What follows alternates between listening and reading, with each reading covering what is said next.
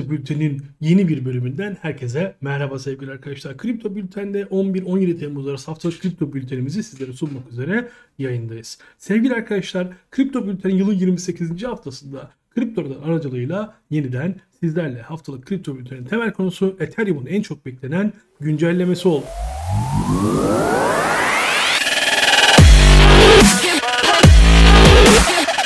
Herkese merhaba. Amerika Birleşik Devletleri enflasyonu 40 yılın en yüksek seviyesine ulaştı ve 9.1 seviyelerine kadar ilerledi. ABD gibi ülkeler için çılgın seviyeler olduğu gözlemlenmekte. Enflasyondan korunma işlevi görmesi beklenen kripto, enflasyonun geçen yıl hızlanmaya başlamasından bu yana yaklaşık %70 kadar düştü. Bu durum bildiklerimizi ya da umduklarımızı aldı götürdü diyebiliriz.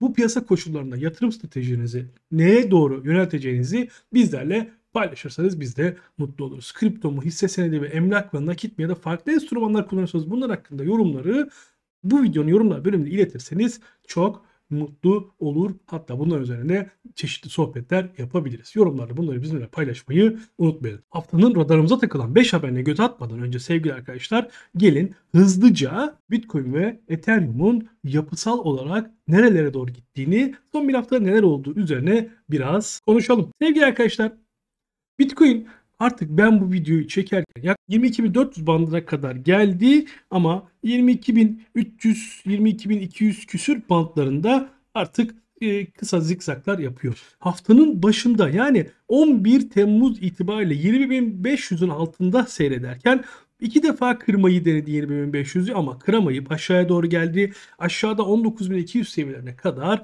tutundu. Buradan bir dokunuş yapıp yine biraz zikzaklarla beraber haftayı küçük yükselişlerle başlamaya doğru ilerlerken haftanın ilk gününde yani 18 Temmuz itibariyle yaklaşık 22.400 tabanına doğru geldi. 500'ü yine kıramadı. Ama şu an ben bu videoyu çekerken yine yaklaşık olarak 22.300 seviyelerinde gidişatını koruyor. Bu bir yükseliş mi? Şahsi fikrimi sorarsanız ben çok öyle olduğunu düşünmüyorum ama sizler yatırım risk planlarınızı kendi risk yendirmeniz çerçevesinde yapmanızı öneriyorum sevgili arkadaşlar.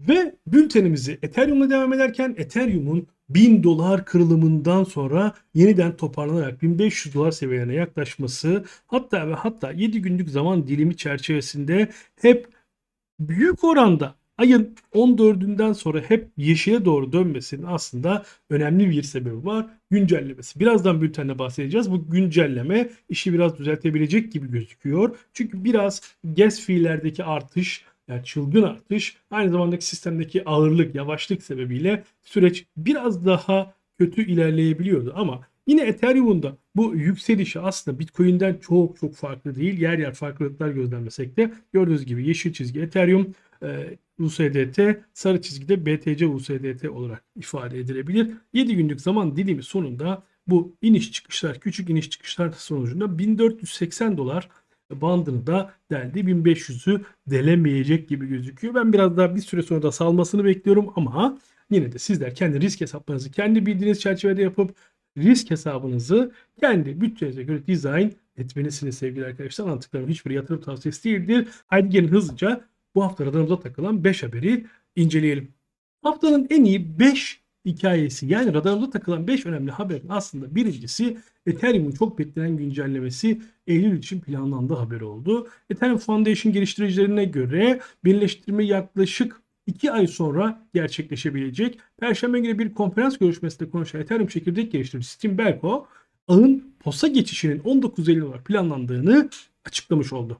Ethereum Merge mevcut fikir birliği katmanının yeni kanıtla birleştirilecek çok beklenen bir yükseltme olduğunu ifade etti. Birleştirmenin Ethereum'u enerji yoğun iş kanıtı konsensüs mekanizmasından hisse kanıtı modeline kaydırmasını ve ETH ihraçlarını yaklaşık %90 oranında azaltması bekleniyor. Bu ağı etkili bir şekilde, daha verimli bir şekilde çevre dostu yapacağı gibi insanların bu ağı kullanırken çekinmeden süreci dahil olabileceklerinin biraz aslında göstergesi olabilir eğer gerçek olursa. Haftanın radarımıza takılan ikinci haberi DeFi kredileri kapatıldıktan sonra Sentigrat iflas dosyaları oldu. Celsius'un para çekme ve transferlerin durdurulmasından bu yana geçen bir aylık belirsizlikten sonra kripto borç veren ve 8 yan kuruluşu New York'un güney bölgesinde gönüllü iflas başvurusunda bulunan Celsius oldu. Basın açıklamasında Celsius elinde sadece 167 milyon dolar nakit bulunduğunu ve bunun operasyonları desteklemek için kullanılacağını açıkladı. İflas başvurusuna göre Celsius'un müşterileri ve kredi veren taraflar da olmak üzere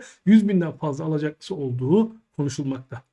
Tahmini varlıkları ve yükümlülükleri 1 milyar ABD doları ile 10 milyar ABD doları arasında değişmekte olan Celsius'un kurucu ortağı ve CEO'su Alex'in topluluk ve şirket için en doğru karar olduğunu söylediği ifade edildi. Celsius çalışmaya devam edecek ancak para çekme işlemlerini ne zaman etkinleştireceği konusunda net bir bilgi bulunmamakta. Sınır radarımıza takılan bir diğer haber ise Swisspost'tan geldi. Swisspost kripto ticaret ve saklama hizmetlerini tanıtacağını duyurdu.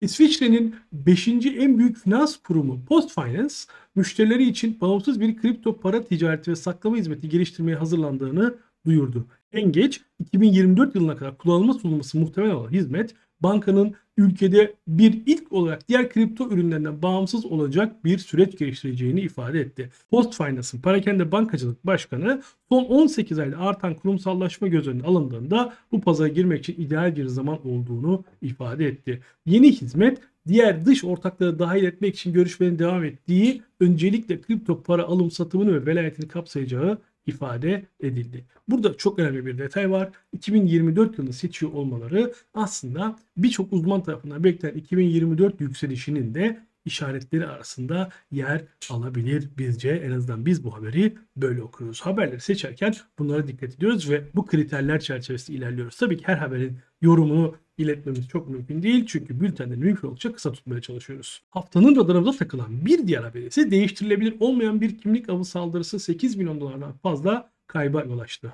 Bilinmeyen bir bilgisayar korsanı Uniswap merkezi olmayan borsasında likidite sağlayıcı olduğu inanılan bir cüzdandan yaklaşık 8 milyon dolar bir bütçeyi çaldı.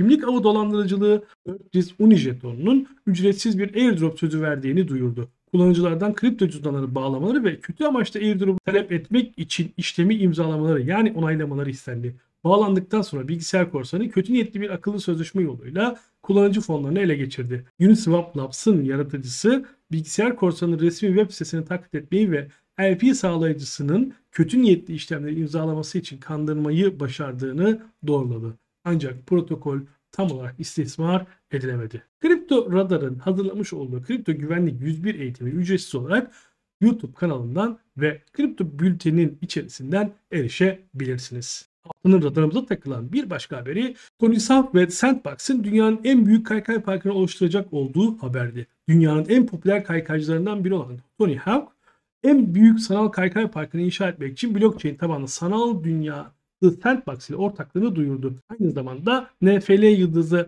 Tommy Brydon spor odaklı NFD platformu Otograf ile işbirliği olan ortaklık oyuncuların platforma satın alabilecekleri bir dijital avatar koleksiyonunun yanı sıra sanal bir kaykay parkına erişiminde içereceğini bildirildi. Tony, hayatım boyunca yeni teknolojinin hayranı oldum. İlk video oyunlarından ve CGI yeteneklerine sahip ev bilgisayarlarından beri teknoloji hayatımın içinde. Bu sebeple Metaverse beni büyülüyor ve kültürümüzü The Sandbox'ın sanal ortamına getirmekten heyecan duyuyorum dedi. Kripto Radar Medya tarafından hazırlanan ve Kripto Radar Web3 Pazarlama Ajansı tarafından sunulmuş olan Kripto Bülten'in sonuna gelmiş bulunuyoruz. KriptoRadar.com internet sitemize, Kripto Radar YouTube kanalımıza, aynı isimle podcast kanalımıza tüm platformlarda erişebileceğiniz gibi soru ve yorumlarınızı da bekliyor olduğumuzu ifade etmek isteriz. Bir başka kripto bülteninde görüşmek üzere. Kendinize iyi bakın, kazançlı kalın.